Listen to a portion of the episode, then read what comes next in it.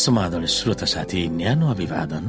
म उही तपाईँहरूका आफ्नै मित्र धनलाल राईको। श्रोता आज म तपाईँको बीचमा बाइबल सन्देश लिएर आएको छु। आजको बाइबल सन्देशको शीर्षक रहेको छ हामीसँग बाँधिएको परमेश्वरको करारको उपसंहार।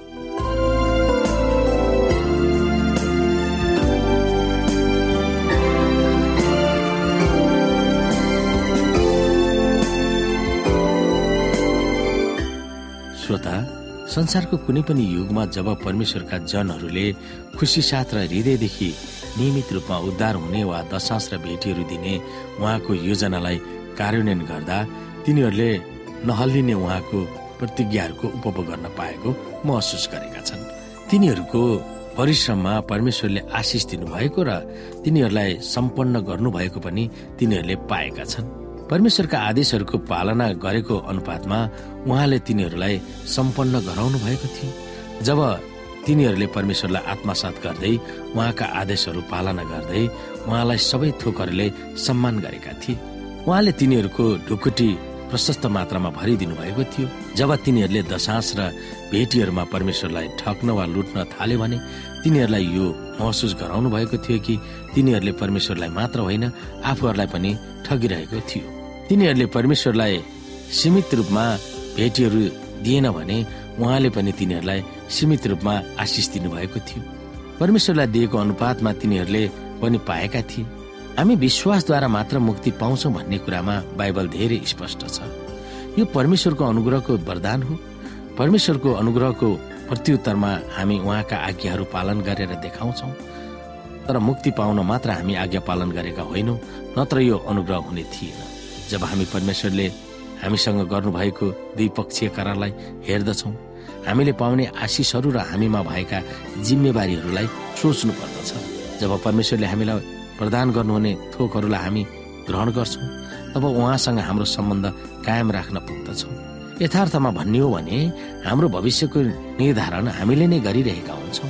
आज्ञा पालन गर्नु भनेको हामीमा भएको प्रेमप्रति वफादारी हुनु र त्यसले अराएको अनुसार सेवा गर्नु यसुको सही वा सत्य चेला भएको प्रमाण त्यो हो।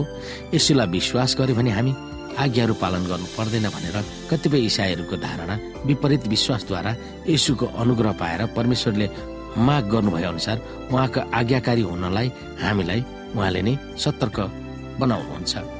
यदि प्रत्येक एडभान्टेजले बत्तिसमाको बेलामा शपथ खाएको अनुसार दशांश दिन निर्णय गर्यो भने हाम्रो चर्चमा प्रशस्त पैसा सुसमाचार फैलाउन जम्मा हुन सक्छ भनेर कसैले भनेका थिए।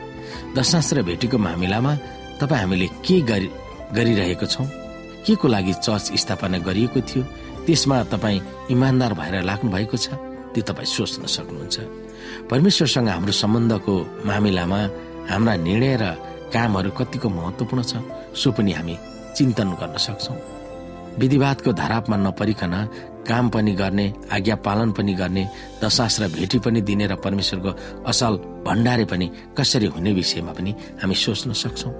कठिन परिस्थितिमा पनि हामी परमेश्वरप्रति कसरी निष्ठावान हुने यस्तो परिस्थितिलाई बुझ्दै निराश नहुनबाट हामी कसरी जोगिने भन्ने कुराहरू पनि हामी बाइबलबाट हेर्न सक्दछौ। श्रोत साथी हामी यहाँ रोमी एक अध्यायलाई हेरौँ। अब शरीर अनुसारका हाम्रा पुर्खा अब्रामको सम्बन्धमा हामी के भनौँ त?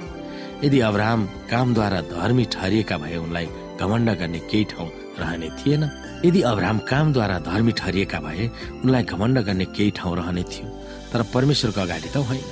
किनकि पवित्र शास्त्रले के भन्छ? अब्राहमले परमेश्वरमाथि विश्वास गरे र त्यो उनको निम्ति धार्मिकतामा गनियो। अब काम गर्नेले जुन ज्याला पाउँछ त्यो दान होइन तर त्यो उसको पाउने हक हो। जसले कर्मचारी गर्दैन तर भक्तिहीनलाई धर्मी ठहराउनु हुने परमेश्वरमाथि भरोसा राख्दछ। त्यस्तो मानिसको विश्वास धार्मिकतामा गनिन्छ। परमेश्वरले कर्म बिना नै धार्मिक गर्नुहुने मानिसलाई यी वचनद्वारा दाउदले धन्यका भन्छन्। तिनीहरू धन्यका हुन् जसका अपराधहरू क्षमा भएका छन् र जसका पापहरू ढाकिएका छन्। त्यो मानिस धन्यको जसको पापको लेखा परमप्रभुले लिनुहुन्न। के यो आशीर्वाद खतनावालहरूका निम्ति मात्र हो? कि बेखतनावालहरूका निम्ति पनि हो। अब्राहमको निम्ति र उनको विश्वास नै धार्मिकतामा गनिएको थियो अनि हामी भन्दछौ तब कसरी यो उनको निम्ति धार्मिकतामा गनियो? उनको खतना हुनुभन्दा अघि वा पछि वा उनको खतना भइसकेपछि हामी यो कुरामा सोच्न सक्दछौँ।